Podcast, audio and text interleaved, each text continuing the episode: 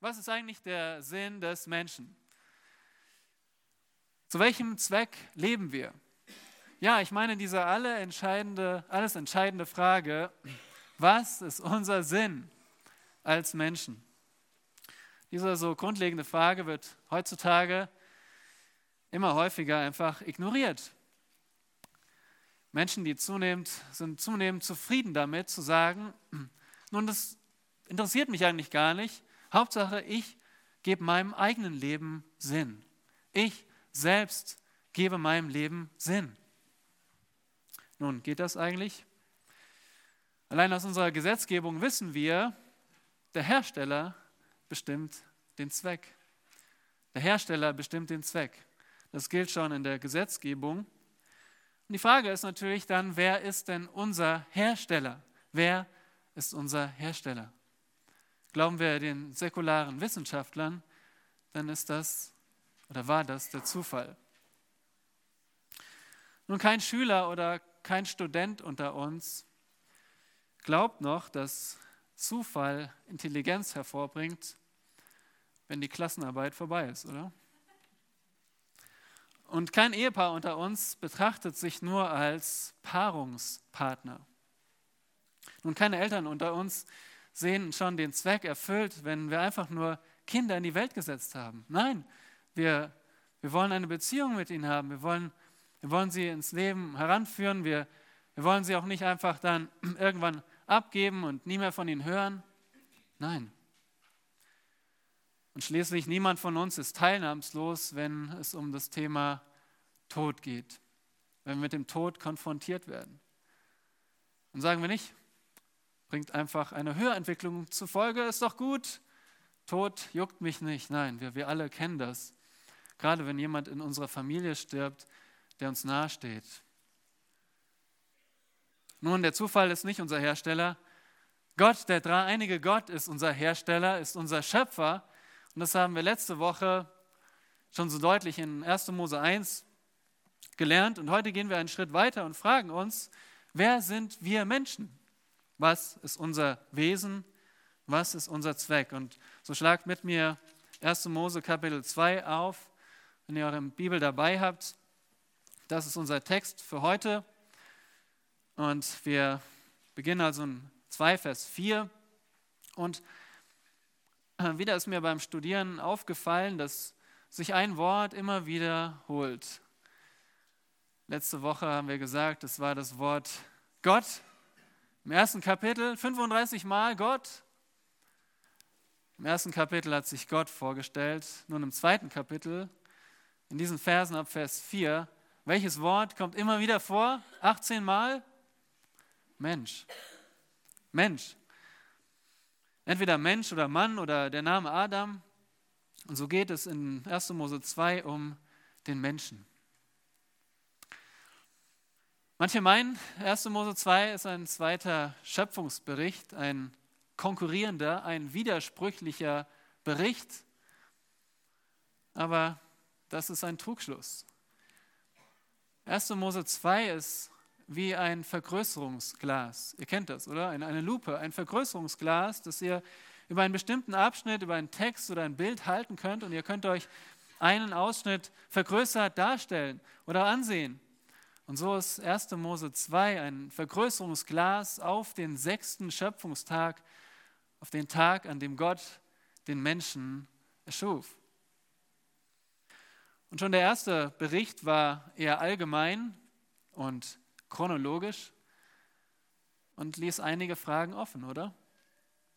Gerade der zweite Bericht, kein gegensätzlicher Bericht, zeigt uns zusätzliche Details und beantwortet einige Fragen. Zum Beispiel, wo kam das Wasser her in dieser Schöpfung, als Gott die Welt erschuf? Oder wie genau wurde jetzt der erste Mensch eigentlich geschaffen? Wie ging Gott vor, vor dabei? Wo lebte der erste Mensch? Was waren seine Aufgaben? Wie hat Gott die Frau geschaffen und welche Beziehungen haben Mann und Frau in der Schöpfung? Genau diese Fragen wollen wir jetzt gemeinsam untersuchen und uns zuvor noch einmal in Erinnerung rufen. Jeder Text hat einen Kontext. Jeder Text hat einen Kontext und dieser Kontext hier, das erste Buch Mose, ist ursprünglich dem Volk Israel gegeben. Israel, das Volk, das in Ägypten war und Gott hat sie aus Ägypten heraus gerettet und ihnen eine neue Weltsicht gegeben, die völlig gegensätzlich war zu dem, was sie vorfanden. Und so ist es auch heute noch. Gott hat den Menschen ursprünglich gut geschaffen, aber der Mensch rebellierte gegen den vollkommenen Gott. Und so zog er die ganze Welt in, in das Elend von Unglaube, von Tod, von Übertretung.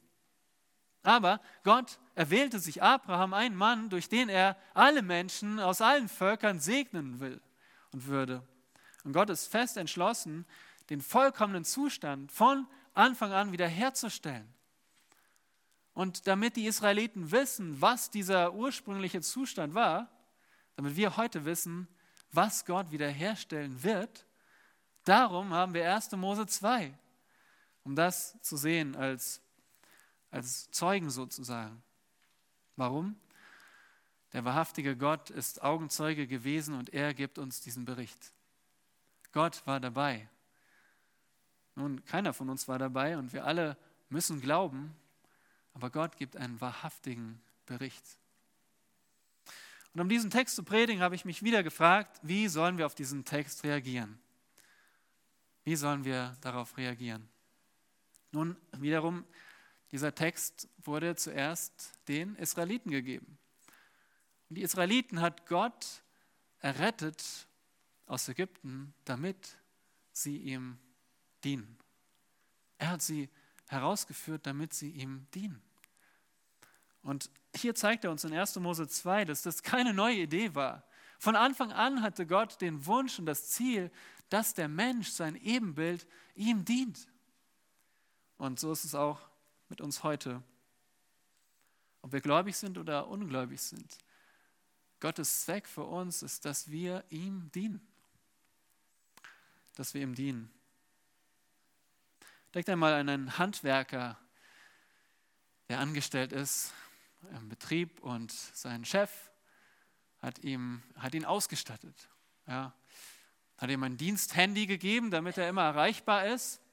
Hat ihm einen Dienstwagen gegeben, damit er auch ja, zum Kunden hinfahren kann und hat ihm das notwendige Werkzeug gegeben, damit er seine Arbeit ausführen kann. Und stellt euch vor, dieser Handwerker ist unterwegs und der Chef ruft ihn an und er kann ihn nicht erreichen und irgendwann nach einer Stunde kriegt er ihn endlich ans Telefon und sagt, hey, du, äh, ich habe dich gar nicht erreicht, wo, wo bist du denn? Oder deswegen bist du nicht rangegangen. Nun, ich habe ich hab gerade eine Stunde mit meiner Mutter telefoniert, tut mir leid.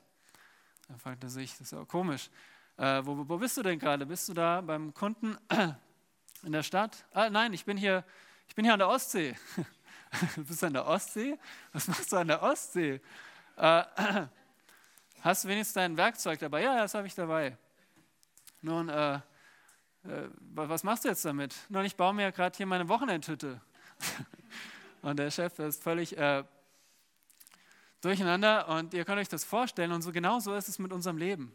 Wisst ihr, Gott hat uns versorgt mit, mit Leben und er hat es uns gegeben, damit wir es so einsetzen, wie er es will. Wir können nicht sagen, danke dafür, ich mache jetzt, was mir gefällt, so, so ist es nicht gedacht. Und, und um das zu verstehen, wollen wir zurückgehen. Und dieser Text konfrontiert dich mit der Aufforderung, diene deinem Schöpfer, der den Menschen auf, mit drei Segnungen vollständig versorgt. Lass uns Gottes Wort lesen, 1. Mose 2, Kapitel 4. Gottes Wort sagt, dies ist die Geschichte des Himmels und der Erde, als sie geschaffen wurden zu der Zeit, als Gott Jahwe Erde und Himmel machte. Es war aber noch kein Strauch des Feldes gewachsen auf der Erde, noch irgendein Kraut auf dem Feld, denn Gott, Jahwe, hatte es noch nicht regnen lassen auf der Erde und es war kein Mensch da, um das Land zu bebauen. Aber ein Dunst stieg beständig von der Erde auf und bewässerte die ganze Erdoberfläche.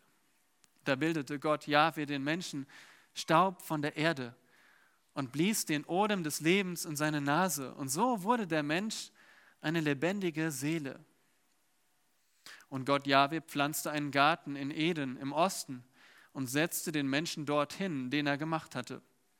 Und Gott Jahwe ließ allerlei Bäume aus der Erde hervorsprießen, lieblich anzusehen und gut zur Nahrung und auch den Baum des Lebens mitten im Garten und den Baum der Erkenntnis des Guten und Bösen.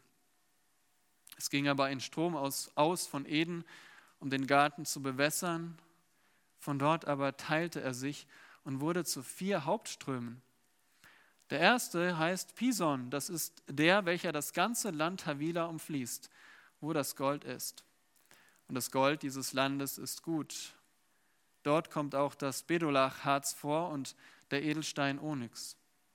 Der zweite Strom heißt Gihon, das ist der, welcher das ganze Land Kusch umfließt. Der dritte Strom heißt Tigris, das ist der, welcher östlich von Assur fließt. Der vierte Strom ist der Euphrat. Und Gott Jahwe nahm den Menschen und setzte ihn in den Garten Eden, damit er ihn bebaue und bewahre.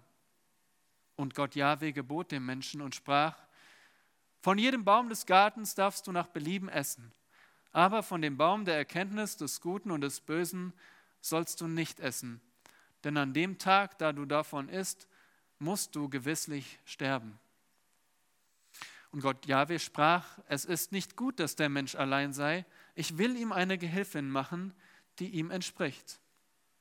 Und Gott Jahwe bildete aus dem Erdboden alle Tiere des Feldes und alle Vögel des Himmels und brachte sie zu dem Menschen, um zu sehen, wie er sie nennen würde und damit jedes lebendige Wesen den Namen trage, den der Mensch ihm gebe. Da gab der Mensch jedem Vieh und Vogel des Himmels und allen Tieren des Feldes Namen. Aber für den Menschen fand sich keine Gehilfin, die ihm entsprochen hätte. Da ließ Gott Jahwe einen tiefen Schlaf auf den Menschen fallen, und während er schlief, nahm er eine seiner Rippen und verschloss ihre Stelle mit Fleisch. Und Gott Jahwe bildete die Rippe, die er von dem Menschen genommen hatte, zu einer Frau und brachte sie zu ihm. Da sprach der Mensch, das ist endlich Gebein von meinem Gebein und Fleisch von meinem Fleisch. Die soll Männin heißen, denn vom Mann ist sie genommen. Darum wird ein Mann seinen Vater und seine Mutter verlassen und seiner Frau anhängen, und sie werden ein Fleisch sein. Und sie waren beide nackt, der Mensch und seine Frau, und sie schämten sich nicht. Ja, diene deinem Schöpfer, der den Menschen mit drei Segnungen vollständig versorgt. Was ist die erste Segnung? Und das ist einfach, die erste Segnung ist Leben. Die erste Segnung ist Leben. Der Höhepunkt ist in Vers 7, wo Gott den Menschen erschafft und ihn befähigt, zu seiner hohen Aufgabe, Herrscher über die ganze Erde zu sein. Gott gab ihm sein, sein eigenes Leben. Und zunächst Vers 4 ist, ist eine Einleitung hier in diesen Abschnitt. Dies ist die Geschichte. Erinnert euch an den Überblick über 1. Mose. 1. Mose teilt sich nach dem ersten Kapitel in elf Teile. Diese Geschichten oder Toledots, was eigentlich auch ein, fast immer ein Stammbaum ist. Und ein Toledot zeigt, was aus einer bestimmten Person wurde. Nun, hier haben wir keine Person, sondern Himmel und Erde. In anderen Worten, dies ist, was aus Himmel und Erde wurde. In diesem ersten Teil zeigt uns, ja, zeigt uns einfach Mose und Gott durch Mose, wie es mit dem Himmel und der Erde weiterging. Und erinnert uns an den ersten Vers. Im Anfang schuf Gott die Himmel und die Erde. Und so fasst 2 Vers 4 nochmal zusammen, was wir letzte Woche mit Staunen gesehen haben. Gott erschuf die Welt, das ganze Universum aus dem Nichts in sechs Tagen und ruhte am siebten. Und zwei wichtige Beobachtungen in diesem Vers noch. Erstens, wie, wie nennt Mose eigentlich den Schöpfer hier? Ist euch das aufgefallen? Er sagt, als Gott der Herr. Hier steht der Name Gottes, Gott Jahwe. Als Gott Jahwe die Welt schuf. Im ersten Kapitel bis 2 Vers 3 ging es um wen? Um Gott. Da stand das Wort Elohim, das Wort, das uns zeigt, dass Gott ein majestätischer König ist. Aber hier wird er Gott Jahwe genannt. Jahwe ist sein, sein Bündnisname, sein Bundesname. Jahwe tritt in Beziehung zu den Menschen und das zeigt uns, dass Gott nicht nur der erhabene König ist, sondern dass er die Nähe zu den Menschen sucht, dass er den Bund schließt, dass er gleichzeitig König und der nahbare Versorger ist. Er ist der Gott, der die Nähe zum Menschen sucht. Und zweitens achtet mal auf die Reihenfolge. Hier heißt es, als Gott, der Herr, Erde und Himmel machte. Und darüber stolpert man so ein bisschen, denn eigentlich ist normalerweise die Reihenfolge Himmel und Erde, Himmel und Erde. Nun hier Erde und Himmel, das erregt unsere Aufmerksamkeit. Die Erde wird betont, weil jetzt geht es auch im Folgenden um die Erde, was Gott mit der Erde weiter tat. Was tat Gott auf der Erde? Nun, Versen 5 bis 6. Hier diese vielleicht für uns etwas eigenartige äh, Beschreibung.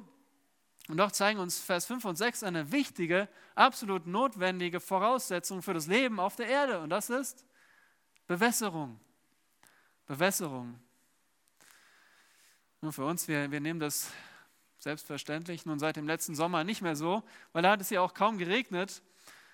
Aber setzt euch einfach in diese, versetzt euch in die Lage der Menschen, die Israeliten, die im Nahen Osten lebten, die zu dieser Zeit vielleicht sogar schon in der Wüste waren, auf dem Weg nach Kanaan und die es kannten, absolut abhängig vom Wasser zu sein. Und wie sorgte Gott für Bewässerung am Anfang? Vers 6. Durch einen Dunst. Durch einen Dunst. Ein Dunst stieg auf und dieses Wort Dunst kann auch ein, ein Strom oder eine Quelle beschreiben. Das Erinnert mich an Südkalifornien, die Zeit, als wir als Familie dort lebten und einige von euch können das auch gut nachvollziehen. Denn dort haben eigentlich nur pieksige Wüstenpflanzen eine Chance. Äh, aber auch der Kalifornier will gerne grünen Rasen haben, oder? Also was macht der Kalifornier und auch auf anderen, anderen Ländern? Nun, die Gärten haben ein unterirdisches Bewässerungssystem. Wenn der Garten angelegt wird, dann werden dort Rohre verlegt und diese Rohre gelangen dann zu einem Sprinklerkopf. Und wenn man dann das Wasser andreht, dann auf einmal heben sich diese Deckel an und überall sprüht das Wasser aus dem Boden heraus und es gibt diese Fontänen. Und so wird also regelmäßig der Wasser, der Rasen bewässert.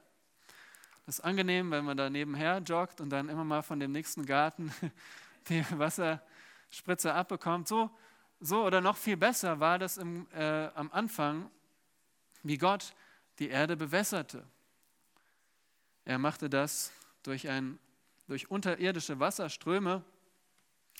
Und wann begann diese Bewässerung? Nun achtet auf Vers 5, hier steht, es war aber noch kein Strauch des Feldes gewachsen. Das sind wilde Pflanzen, noch irgendein Kraut auf dem Feld. Das sind kultivierte Pflanzen. Also in anderen Worten, Gott hat diese Bewässerung geschaffen, ehe es überhaupt Pflanzen gab. Und warum waren die Pflanzen nicht da? Nun, das sehen wir dann in Vers 5, der zweite Teil. Sucht mal das Wort denn. Denn Gott, Jahwe, hatte es noch nicht regnen lassen. Und zweiter Grund, es war kein Mensch da, um das Land zu bebauen. Kein Regen da für die wilden Sträucher und kein Mensch da für die kultivierten Pflanzen. Und so zeigt uns hier der Autor, ja, das war alles schon da, bevor es, bevor äh, der Mensch und die Pflanzen da waren. In manchen Bibelübersetzungen klingt es so, als ob Gott den Menschen hier vor, vor den Pflanzen gemacht hat, oder? Aber das ist ein Trugschluss, denn der Fokus ist hier der Dunst, nicht der Mensch. In anderen Worten, ehe, der, ehe die Pflanzen da waren, gab es schon den Dunst, gab es diese Wasserströme. Und hier blickt Gott also zurück auf den dritten Tag, nicht auf den sechsten. Also wir beginnen mit dem dritten Tag und wie Gott eine Bewässerung machte am dritten Tag. Und Vers 7 dann der sechste Tag, als Gott den Menschen schuf. Da bildete Gott Jahwe den Menschen, Staub von der Erde. Ja, Gott, Gott ist ein weiser Versorger. Gott versorgt zuerst die Welt auf wunderbare Weise mit Wasser und dann in Vers 7 lesen wir, wie er den Menschen bildete, wörtlich formte. Er, er gestaltete ihn. Er war der Künstler, der wie so äh, eine Lehmfigur machte, so machte er aus dem Boden, formte er den Menschen in all seiner Kom äh, Komplexität und achte darauf, wie viele Menschen er macht. Hier steht, den Menschen, das ist ein Mensch. Also er machte zuallererst einen Menschen, der Einzahl, und nutzte dabei das, den Staub vom Erdboden. Anders als das Licht wurde also der Mensch nicht aus dem Nichts geschaffen, so dass Gott sprach und der Mensch war da, nein. Und zum anderen wurde er auch nicht aus der Erde befohlen. Also äh, zu den Pflanzen sagte Gott, äh, befahl er der Erde, dass sie Pflanzen hervorbringt. Gott hat nicht nur befohlen, dass der Mensch aus der Erde kommt, sondern er hat ihn selbst gebildet, er hat selbst Hand angelegt und ihn geformt. Im Hebräischen ist das ein Wortspiel, das wir im Deutschen nicht wiedergeben können. Vielleicht Bodo aus dem Boden, nein, das ist albern. Hier steht Adam, Gott bildet den Menschen Adam, Ha-Adam aus Staub von Ha-Adama. Ha-Adam aus Ha-Adama. Er bildete den Menschen, äh, was bedeutet rote Erde, aus dem Erdboden. Ich habe euch auch ein bisschen Erdboden hier mitgebracht, um euch zu demonstrieren, aus was ihr besteht. Also das sind wir. Wir sind Staub von der Erde. Ja? Und interessant finde ich die Frage, ja, müssten dann nicht die Elemente des Bodens auch in unserem Körper vorkommen? Genau das tun sie. Äh, es gibt 13 Elemente, aus denen wir vor allem bestehen, zu 96 Prozent. Interessant auch, dass wir unser Körper wenn man das Gewicht sich anschaut, zu 60 Prozent aus Wasser besteht. Genau, wisst ihr. Und jetzt versteht ihr auch, warum Gott sagt, zuerst die Bewässerung erklärt. Erst der Boden, dann Bewässerung und so hatte er das Material, um uns, um uns zu schaffen. Wow, welcher Meisterkünstler. Ein Mensch hat 200 Knochen, 100 Gelenke, 600 Muskeln, 128.000 Kilometer Blutgefäße und 100 Milliarden Nervenzellen allein im Gehirn. Und doch steht fest, wir sind nur Staub. Wir sind nur Staub. Immer wieder heißt es in der Bibel, wir sind Staub. Abraham sagte, ich bin nur Staub und Asche. Und das demütigt uns, denn Staub allein kann wirklich wenig tun. Staub allein kann nichts tun. Und dazu brauchte es ein Wunder und das tat Gott. Schaut in Vers 7. Und Jahwe blies den Odem des Lebens in seine Nase. Odem des Lebens. Also wie eine liebevolle Person wendet sich Gott jetzt dieser Erdfigur zu und bläst ihn an. Das Wort für Hauch es wird hier auch verwendet, um ein Feuer zu entfachen. Also es ist nicht nur so ein leiser Hauch, sondern ein, ein, ein, ein Stoß, ein Luftstoß, mit dem er ihn anbläst. Ein kräftiger Atem und dieser Odem des Lebens wird nur für den Menschen verwendet, nicht für die Tiere, nur für den Menschen. Das zeigt uns, der Mensch ist nicht nur ein Tier. Der Mensch hat zwar eine Seele wie ein Tier, aber er ist durch den Odem des Lebens geschaffen, als Ebenbild Gottes. Und er wird eine lebendige Seele, besser gesagt eine lebendige Person. Und hier lernen wir auch, woraus wir bestehen. Wir sind eine Person und bestehen aus zwei Teilen. Nämlich hier, dieser Staub mit Wasser und Odem des Lebens. Aus materiellem und aus der immateriellen Seele. Und das zusammen in einer Einheit. Und das erklärt auch, warum wir einen Sinn für Würde haben, einen Sinn für unseren Wert warum wir einen Sinn für richtig und falsch haben, den wir nirgendwo in unserem Körper lokalisieren können. Noch kein Chirurg hat den lokalisieren können. Und wir haben einen Sinn für Schönheit. Und das hat auch schon eine Anwendung für uns. Das hat eine Anwendung für uns. Körper und Seele gehören zusammen. Was immer wir mit unserer Seele tun, wird auch Auswirkungen auf unseren Körper haben. Nicht so wie die Griechen, die dachten, okay, das ist getrennt und ich kann mit meinem Körper tun, was ich will. Nein. Was wir mit unserer Seele tun, hat Auswirkungen auf den Körper. Was wir mit dem Körper tun, hat Auswirkungen auf die Seele. Und erst mit dem Tod wird Seele und Leib getrennt. Das ist die Definition für Tod. Wenn wir nur noch Staub sind und die Seele getrennt ist. Gott ist hier der weise Versorger. Ja, seine erste Segnung für den Menschen ist Leben. Wir sind nicht zufällig erstanden. Wir sind nicht in der Laune der Natur. Wir sind persönlich von Gott geschaffen, damit wir sein Gegenüber sind. Damit wir befähigt sind, Gott zu repräsentieren. Die Frage für uns ist, Frage für dich, wem verdankst du dein Leben?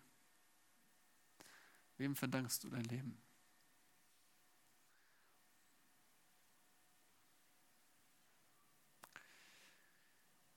Nicht dem Zufall. Du bist kein höher entwickeltes Tier. Als Mensch bist du mehr als nur ein Tier. Du kannst mehr als nur essen, trinken und dich fortpflanzen. Du kannst nachdenken, verstehen und reden und auf Gottes Worte hören und darauf reagieren. Verstehen, welche Verantwortung er dir gegeben hat. Und das ist auch die zweite Segnung, die Gott dem Menschen gibt von Anfang an, nämlich Verantwortung. Gott erweckt den Menschen zum Leben und dann gibt er ihm Verantwortung. Das sehen wir ab Vers 8. Nachdem Gott den Menschen gebildet hat, setzt er ihn in einen neuen Lebensraum und überträgt ihm Verantwortung durch ein klares Gebot.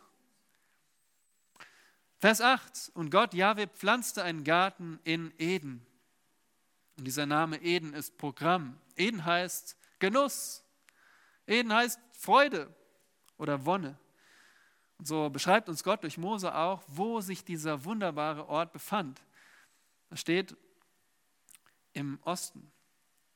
Nun, wer schreibt hier nochmal? Das ist Mose.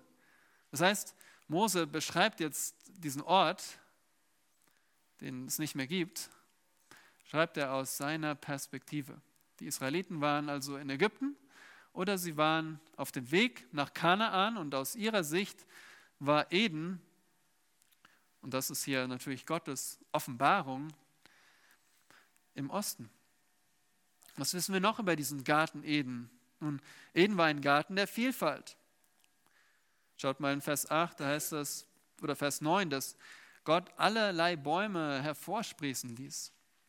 Überall Bäume mit, mit Schönheit, mit schöner Frucht. Ein Garten der Schönheit, ein Garten der Fülle. Überall hingen die reifen Früchte an den Bäumen reife, genießbare, gut schmeckende Früchte. Also Eden war, war nicht so eine Felderlandschaft, sondern Eden war ein Obstgarten. Ein Obstgarten. Bäume mit Früchten. Und mit zwei Bäumen im Zentrum, nämlich der Baum des Lebens, Vers 9, und der Baum der Erkenntnis des Guten und Bösen. Ein Baum, wenn man davon isst, dann hört das Leben nicht auf fortlaufend von dem Baum des Lebens zu essen, bewirkt ja, Leben ohne Ende. Es ist nicht so, dass man einmal von dem Baum des Lebens isst und dann unsterblich wird oder so. Nein, fortlaufend davon zu essen, erhält das Leben. Aber dann ist da noch der Baum der Erkenntnis des Guten und Bösen. Und ja, zum ersten Mal lesen wir hier vom Bösen. Obwohl wir immer noch bei der Schöpfung sind, wo doch alles gut ist. Wir fragen uns, was, was ist das? Ist da irgendwie das Böse in der Frucht? Nun, das Böse ist nicht in der Frucht, sondern in der Handlung davon zu essen. Das Böse ist nicht in der Frucht, sondern darin, davon zu essen, weil Gott es verboten hatte. Und wer entgegen Gottes Verbot davon isst, macht sich schuldig und auf einmal macht er die Erfahrung, was Böses ist. Vielleicht können wir es vergleichen mit der Erkenntnis von Freiheit und Haft. Die Erkenntnis von Freiheit und Haft. Wie, wie kannst du erkennen, was, wie Freiheit und wie Haft ist? Nun, Freiheit, das erlebst du jetzt, aber äh, wie könntest du Haft erleben, und in dem Moment, wo du dich in Haft befindest, bist du schon schuldig geworden. In der Regel. Und so ist es auch mit dieser Erkenntnis des Guten und Bösen. diese Erkenntnis ist nicht so, okay, jetzt weiß ich, sondern jetzt bin ich selbst böse und schuldig. Und das sind die beiden Bäume in der Mitte. Was wissen wir noch über Eden? Vers 10 bis 14 ist dieser erstmal ja, eigenartige Abschnitt von, von Flüssen, wo wir uns fragen, was, was soll das hier? Es zeigt uns eine wichtige Wahrheit über diesen Garten. Und zwar Vers 10, es ging ein Strom aus. Ein Wasserstrom ging aus von Eden und dieser Strom teilte sich in vier Hauptströme. Und ihr denkt, okay, ein Fluss teilte sich in vier Ströme. Was ist dabei? Nun, Flüsse, was machen Flüsse? Flüsse teilen sich nicht normalerweise. Flüsse vereinigen sich. Die fangen vielleicht irgendwo an in den Quellen und dann laufen sie zusammen und Richtung Meer. Flüsse teilen sich nicht. Das ist schon mal eigenartig. Nun, zwei dieser Flüsse sind heutzutage nicht mehr zu finden. Das ist der Pison oder Pishon und der Gihon. Die wissen wir nicht, wo die sind. Zwei dieser Flüsse kennen wir noch. Zumindest haben wir Flüsse, die genauso heißen. Der Tigris, das ist der, in anderen Übersetzung heißt der hebräisch Hidekel, Tigris und Euphrat. Ja, das kennen wir, das Zweistromland. Heutige Irak zum Beispiel, dort fließen diese beiden Ströme. Und so ist die Frage, ja, was, was lernen wir jetzt daraus? Und eine Sache dürfen wir nicht vergessen, dass es nach dem Sündenfall und nachdem der Mensch aus dem Garten vertrieben wurde, ein einschneidendes Erlebnis oder ein Ereignis gab, das die Welt und die Erdoberfläche für immer verändert hat, nämlich die Sintflut. Die ganze Erde wurde von Wasser bedeckt und nur acht Menschen überlebten. Von daher beschreibt Mose hier in der Sprache seiner Zeit, wo sich der Garten, wo die Region war des Gartens Edens. Aber diese Ströme, die er beschreibt, die sind nicht mehr da. Und zwar gab es wohl vorher auch einen Strom mit Tigris und Namen Euphrat. Und hinterher hat man die nach demselben Namen benannt. Aber wir wissen nicht mehr genau, wo der, der Garten war. Aber eins wissen wir, und das ist der Punkt, dieser Garten war das Zentrum der Erde. Es war das Zentrum der Erde, wo das Wasser ausging. Das Wasser ging aus und teilte sich. Das Wasser ging von Eden aus. Es war der Mittelpunkt der Erde. Es war das Zentrum, wo Gott, ein, an einem Ort, wo Gott mit dem Menschen Gemeinschaft hatte. Es war sozusagen der, der erste Tempel, wo Gott mit dem Menschen Gemeinschaft hatte. Und da gibt Gott dem Menschen Verantwortung. Und gibt ihm ein klares Gebot, Vers 15. Seine Aufgabe war, den Garten zu bebauen und zu bewahren. Also Arbeit ist keine Folge des Sündenfalls. Schon Adam hatte Arbeit aber eine Arbeit, die immer gelang. Stellt euch vor, eine Arbeit, wo immer alles gelingt. Das ist was für eine Freude. Die, diese Freude hatte Adam in diesem Garten. Adam war auch der, die erste Führungskraft. Seine Leitung bestand im Dienst. Er, er war der eingesetzte Diener in diesem Garten, der, der ihn bewahren sollte, bebauen sollte. Worte, die einen echten Gottesdienst beschreiben. Und wer arbeitet, soll auch essen. Und deswegen versorgte Gott den Menschen mit den ganzen Früchten, aber gab ihm ein, also ein Gebot und ein Verbot.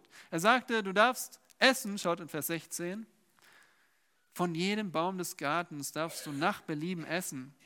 Genauso steht es auch im Hebräischen. Du darfst essen nach deinem Herz, nach deiner Herzenslust. Bedien dich nach deiner Herzenslust. Aber eine Ausnahme, und da kommt das Verbot. Ist niemals, muss es heißen. Aber von dem Baum der Erkenntnis des Guten und Bösen sollst du niemals essen. Denn an dem Tag, da du davon isst, musst du gewisslich sterben. Gewisslich, todsicher wirst du sterben. War die Frucht vergiftet? Nein. Der Tod ist Gottes Strafe für den Ungehorsam gegenüber Gottes Gebot. Lohn, der Lohn der Sünde ist der Tod. Nun, warum setzte Gott dann diese Grenze?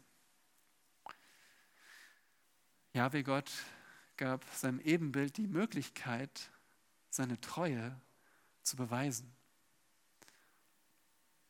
Kennt ihr das Gefühl, treu gewesen zu sein? Kennt ihr dieses Gefühl, bei einer Klassenarbeit nicht betrogen zu haben? Kennt ihr es, übertragene, übertragene Aufgabe ohne Schummeln und ohne Trödeln ausgeführt zu haben? Ich weiß, wir kennen auch das Gegenteil, aber denk mal daran. Kennt ihr das, einen Bericht abgegeben zu haben, ohne zu lügen? Und das Gefühl dabei. Das Gefühl, dieses Gefühl hält Gott für den Menschen bereit. Dieses Gefühl, das ist dieses eine Verbot. Aber ich halte mich zu Gott. Ich liebe ihn. Ich will ihm treu sein. Und ich habe die Möglichkeit, diese Treue zu beweisen, indem ich nicht von diesem einen Baum nehme. Nun, wenn eins klar wird, ist, dass Gott den Menschen mit allem versorgt.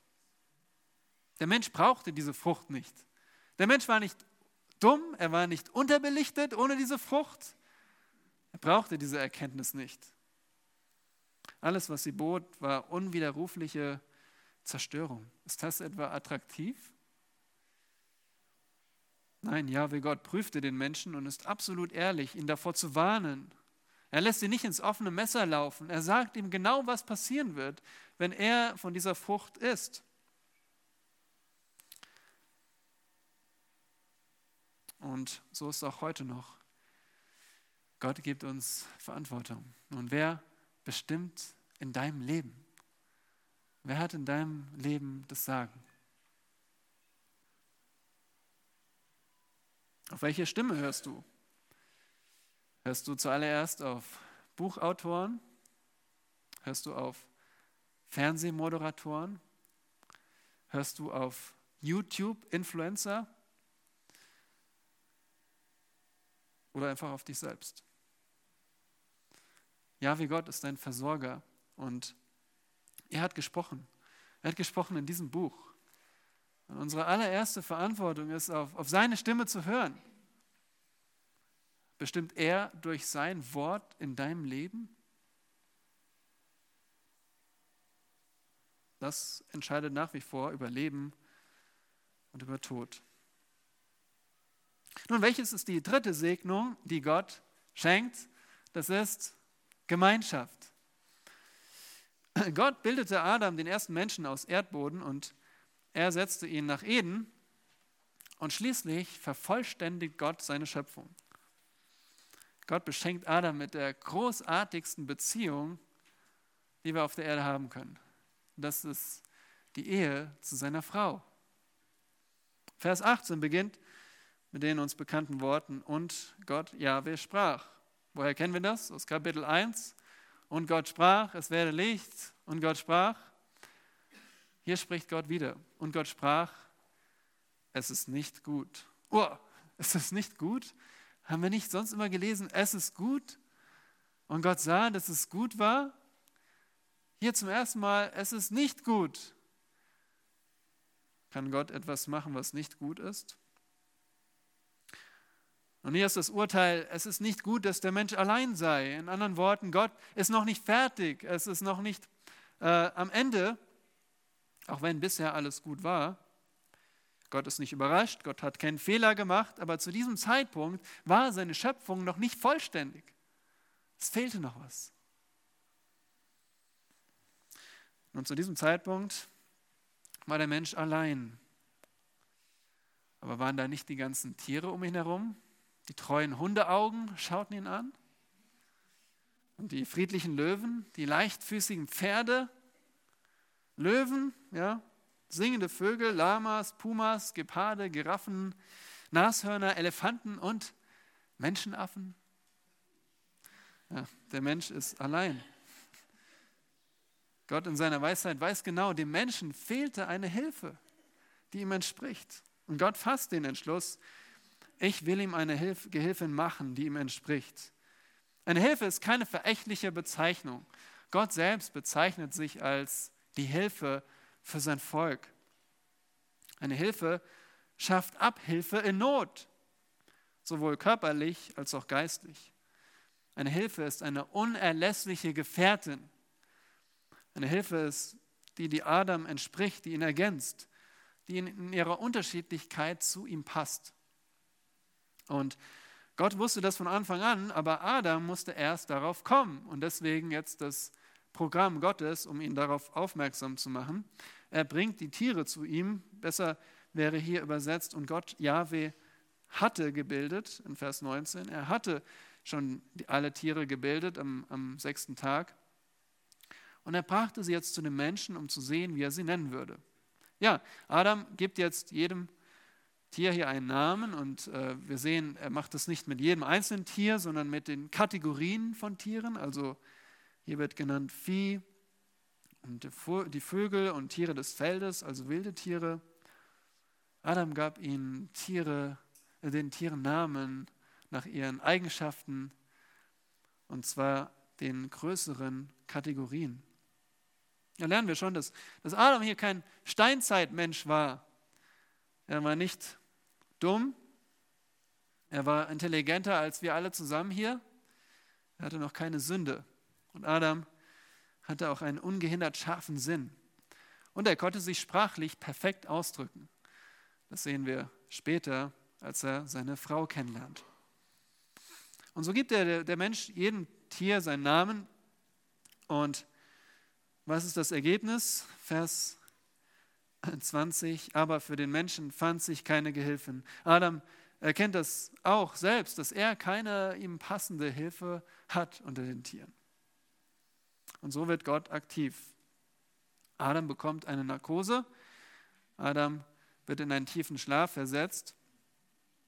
Er ist also aktiv gar nicht dabei. Und Gott nimmt von Adams Rippen und verschließt die Stelle. Das Wort Rippe bedeutet hier Seite und ich habe auch in einer französischen Übersetzung von Louis Segond habe ich das so gefunden. Seite wird übersetzt, denn Gott entnahm nicht nur Rippen, sondern auch Fleisch. Und aus diesem Material, aus dieser DNA des, des Mannes, baute er die Frau. Er bildete die Frau. Wie weise und wie passend ist Gottes Vorgehen hier.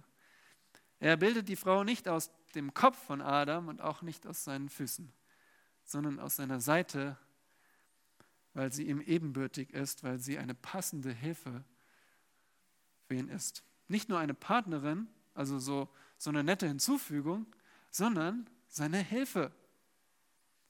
Seine Hilfe, seine notwendige Hilfe. Ja, und was für ein feierlicher Augenblick, als, als Gott sie dann einander vorstell, vorstellte.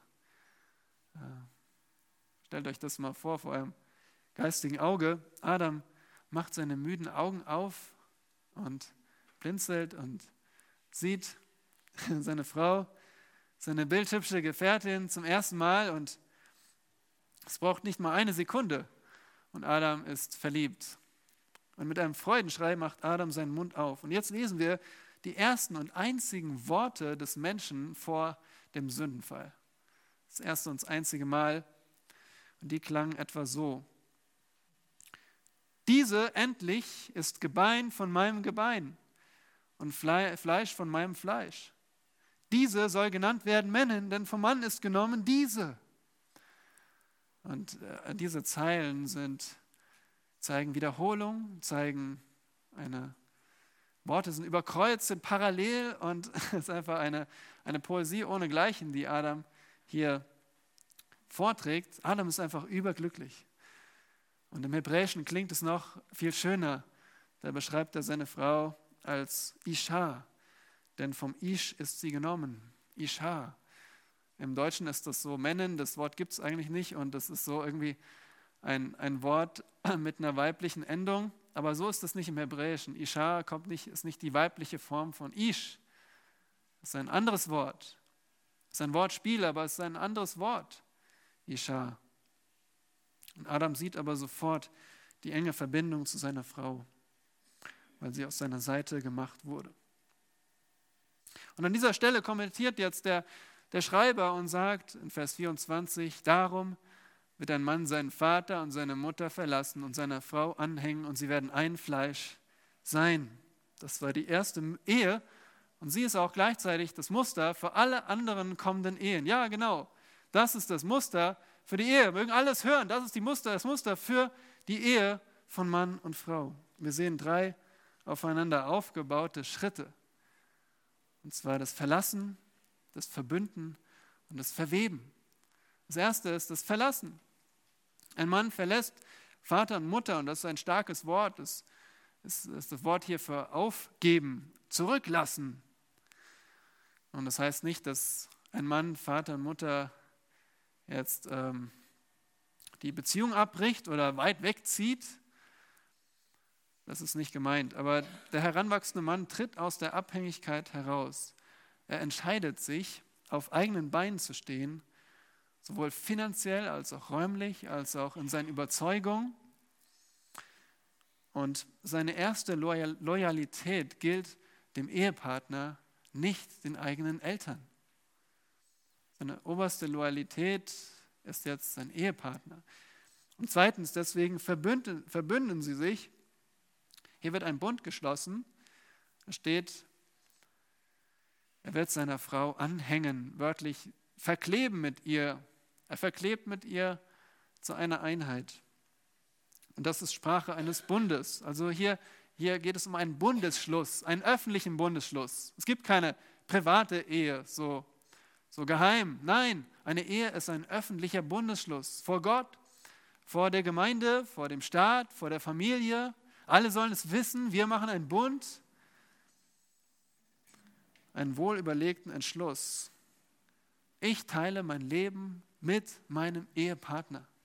Ich teile mein Leben jetzt mit diesem Menschen. Komme, was wolle.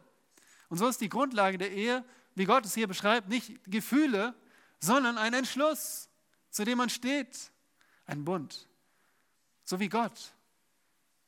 Was meint ihr, wenn Gott von seinen, auf seine Gefühle achten würde? Äh, wie häufig diese Welt dann schon vernichtet worden wäre. Wir lesen später, wie, wie Gott die Menschen sahen und alle waren verdorben. Und Gott hat die ganze Welt vernichtet, außer acht Personen. Ich glaube, Gott hat immer noch dieselben Gefühle. Das lesen wir sogar in Römer 1. Der Zorn Gottes entbrennt oder der Zorn Gottes über die Welt ist groß. Aber Gott hält seinen Bund. Und genauso ist die Ehe ein Bund. Das ist dieser, dieser eine Schritt, der einmalig geschieht, aber dann sehen wir das, was fortlaufend geschieht. Sie werden ein Fleisch sein. Das ist das, ist das Verweben, was fortdauernd passiert. Wie Gott ein Gott in drei Personen ist, so werden zwei Ehepartner ein, ja, eine Einheit. Und das geht nicht von selbst. Das erfordert eigenes Bemühen und Gottes Segen.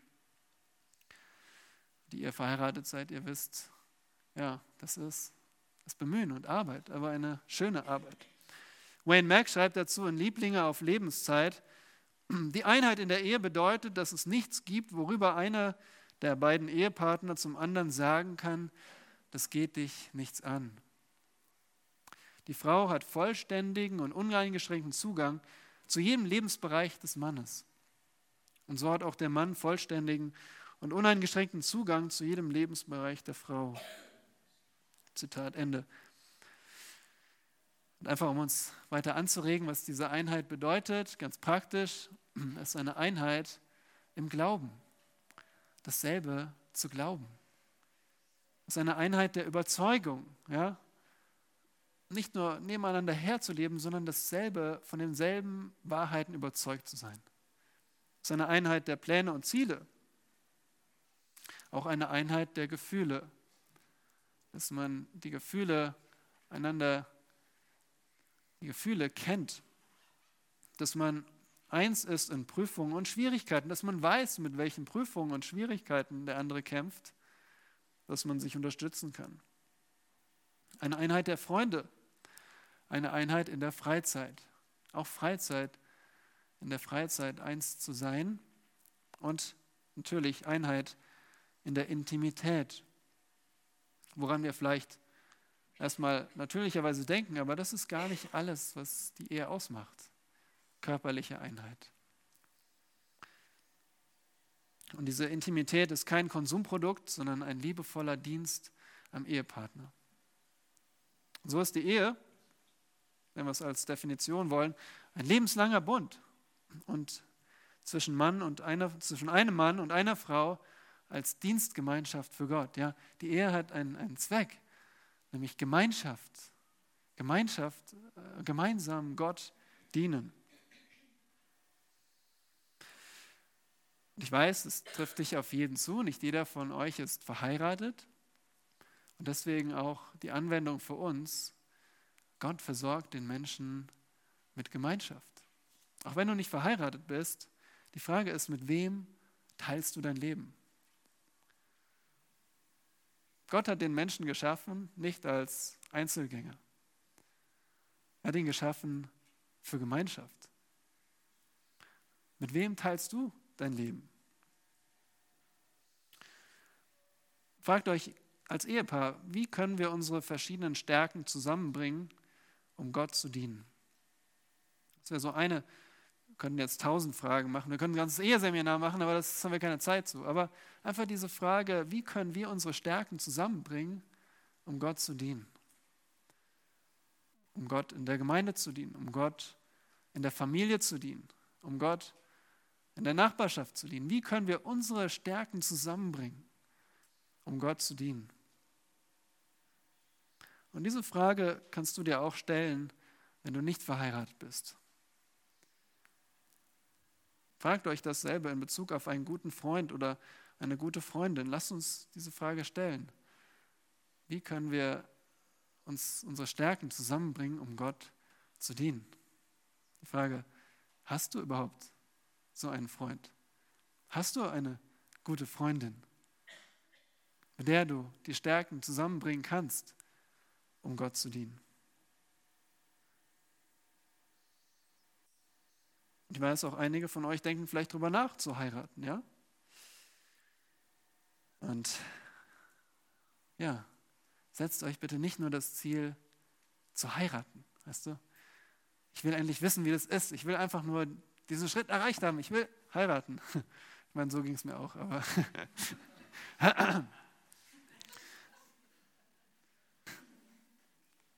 es muss einfach toll sein, dieses Kribbeln jeden Tag.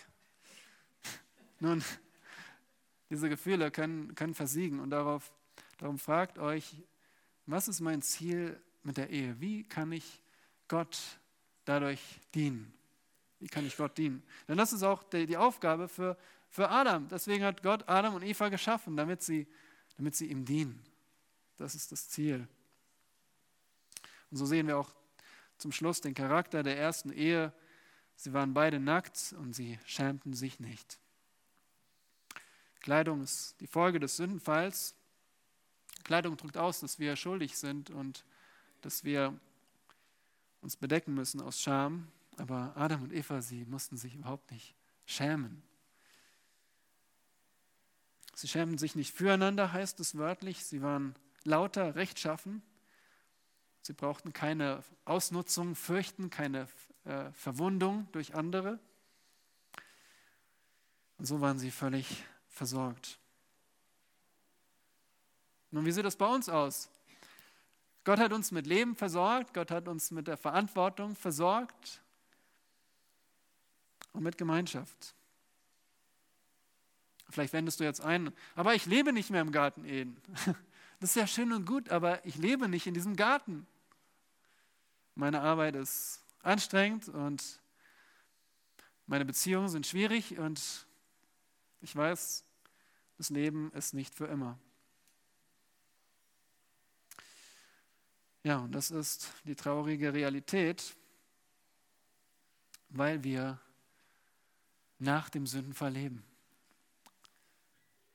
Weil die ersten Menschen gesündigt haben und weil wir seitdem alle Sünder sind und getrennt von Gott sind.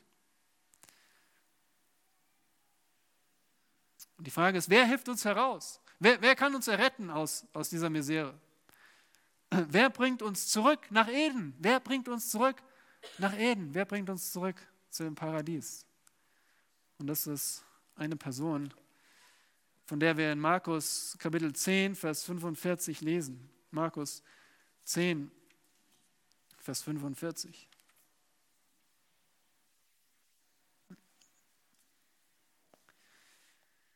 Denn auch der Sohn des Menschen ist nicht gekommen, um sich dienen zu lassen, sondern um zu dienen und sein Leben zu geben als Lösegeld für viele. Ein Mensch, der Gott gedient hat. Vollkommen. Der Sohn des Menschen. Der Sohn des Menschen. Der Sohn des Menschen ist Gott selbst, der Mensch geworden ist. Der Sohn des Menschen ist Gott selbst, der von einer Jungfrau geboren wurde, der ohne Sünde war. Vielmehr noch, der, der gerecht war, der nicht auf sich selbst geschaut hat, sich bedient, bedienen ließ, sondern um zu dienen. Um zu dienen. Und wie hat er gedient? Auf alle Arten und Weisen. Er hat, er hat die Menschen geheilt, die Menschen belehrt, er hat die Menschen beraten und alles für sie getan. Aber sein größter Dienst war, was hier steht, sein Leben zu geben als Lösegeld für viele. Wisst ihr, wir alle, weil wir von Gott getrennt sind, verdienen nicht nur den Tod, den körperlichen Tod, sondern den ewigen Tod. Wir alle verdienen die ewige Strafe in der Verdammnis, weil wir nicht nur einmal das Gebot gebrochen haben, nicht zweimal, sondern tausendmal, unzählige Male Gottes gute Gebote gebrochen haben. Aber Gott hat den Sohn des Menschen geschickt, damit er sein Leben gibt als Lösegeld. Damit er an der Stelle von Sündern sein Leben gibt, damit er an ein Kreuz geht und stellvertretend als Übeltäter stirbt. Damit er sein Blut geht, gibt als Lösegeld.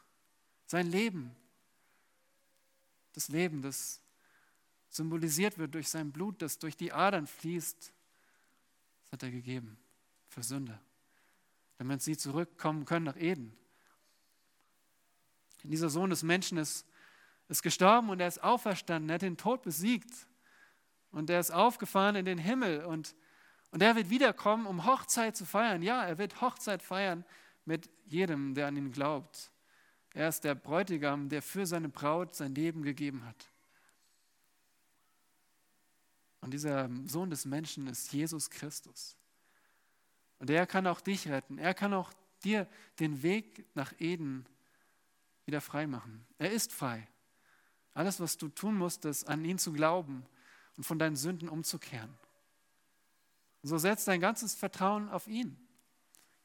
Geh ins Gebet und Sage ihm deine Sünden und bitte ihn um ein neues Leben. Ja, ein, ein neues Leben, ein Leben, das nicht aufhört. Ein neues Herz.